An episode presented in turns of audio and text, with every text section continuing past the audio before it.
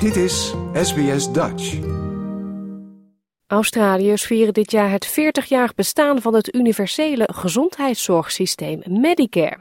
Maar velen van hen begrijpen niet hoe het werkt. Dat zegt een groep gezondheidsexperts die er bij de regering op aandringen een openbaar voorlichtingsprogramma uit te rollen en de Medicare-kennis in het land te verbeteren. SBS Dutch. Deel onze verhalen op Facebook.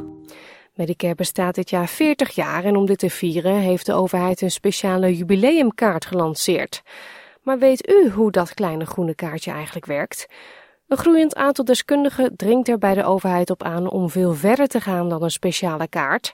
Topinstanties die zorgconsumenten en medische professionals vertegenwoordigen, zeggen dat de overheid een voorlichtingsprogramma over het gezondheidssysteem moet financieren. U hoort Dr. Elizabeth Devaney, de Chief Executive Officer van Consumers Health Forum of Australia, kortweg CHF. The healthcare system is critical to all Australians.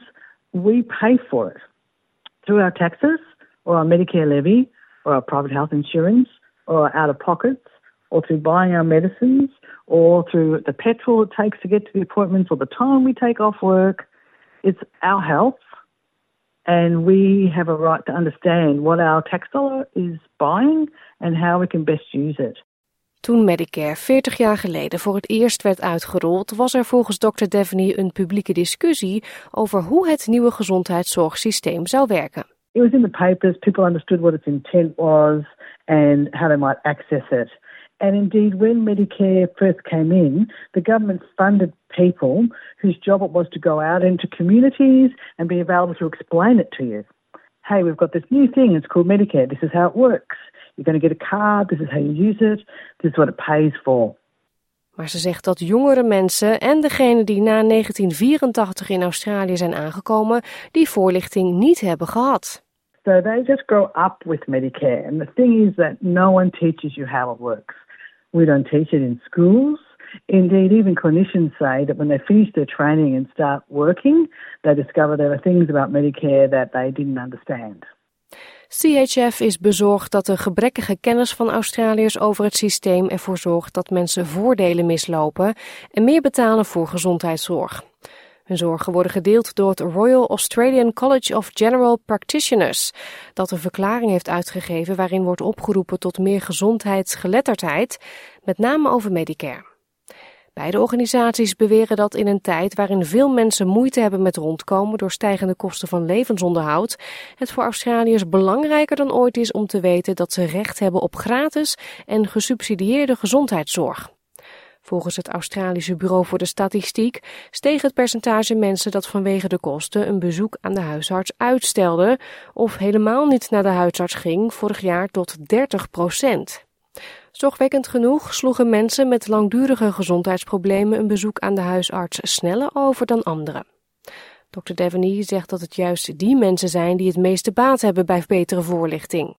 In the pharmaceutical benefit scheme, we have this thing called a safety net. We have it in Medicare too. When you've spent a certain amount of money in Medicare, the government tells you you've spent a certain amount of money, things will be cheaper for you now. And when you get your medicines, the same schemes, uh, the same kind of scheme applies. So we have a safety net for your um, government funded medicines. But when you hit the limit, nobody tells you. So we're pretty confident that there are Australians who have chronic disease, who've spent a lot of money on medicines, and who don't realise that actually they're past the threshold and the cost of their medicines should have been reduced or indeed free. CFH zou graag zien dat de ingewikkelde kortingsprocessen geautomatiseerd en flexibeler worden gemaakt voor individuen. Maar Dr. Devaney benadrukt dat eenvoudige oplossingen vaak gepaard gaan met voorlichting. Ze zegt bijvoorbeeld dat veel mensen niet weten dat ze hun huisarts om bulkbilling kunnen vragen, ook al is dat niet de normale procedure van de praktijk. Zelfs als de arts geen volledig gereduceerde service kan bieden, zal hij de patiënt in contact brengen met andere diensten die dat wel kunnen.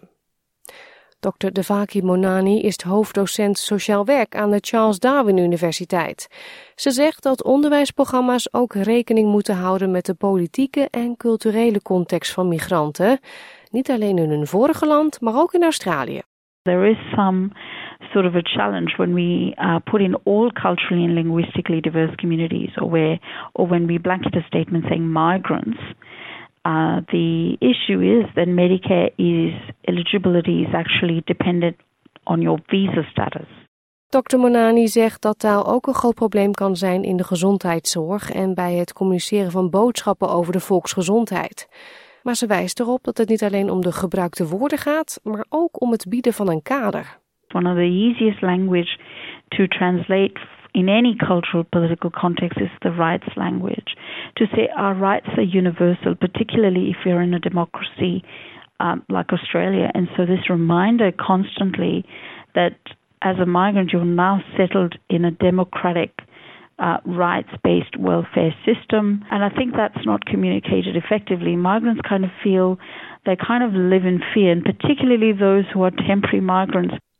Dr. Monani zegt dat angst zich kan vertalen in wantrouwen jegens instituties zoals gezondheidszorg of in de onwil om voordelen te claimen. We need to remind migrants or and, and other non-migrant groups in Australia that Medicare is our basic human right. And we're really lucky to have that health platform in Australia and have health accessibility. So we must fight really hard and we must keep communicating to migrants that Medicare is your basic human right and you need to access it as much as possible. Volgens Dr. Devaney is het ook een recht op onderwijs. There are better ways for people to find out about how Medicare works. rather than by word of mouth or through personal experience.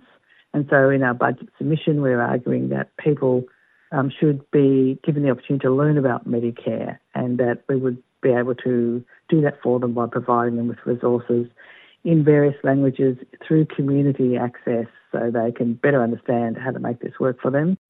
SBS is in feite ontstaan met als doel om informatie over de volksgezondheid over te brengen aan mensen die thuis andere talen dan Engels spraken. De omroep werd gelanceerd door de regering van Whitlam in 1975, hetzelfde jaar waarin Medibank, de voorloper van Medicare, werd geïntroduceerd. Het expliciete doel van SBS was om informatie over het nieuwe nationale gezondheidszorgsysteem te communiceren de 45ste verjaardag van SBS in 2020 keek voormalig directeur Michael Abate terug op de rol van de omroeporganisatie. It was a really good policy decision by the then government to set this up to help unite migrants in Australia and to help people understand what it is to be Australian and the fabric of Australia. So I think our role is more important today than ever before in the history of Australia. Dit was een verhaal van Ruth McHugh Dillon voor SBS Nieuws, in het Nederlands vertaald door SBS Dutch.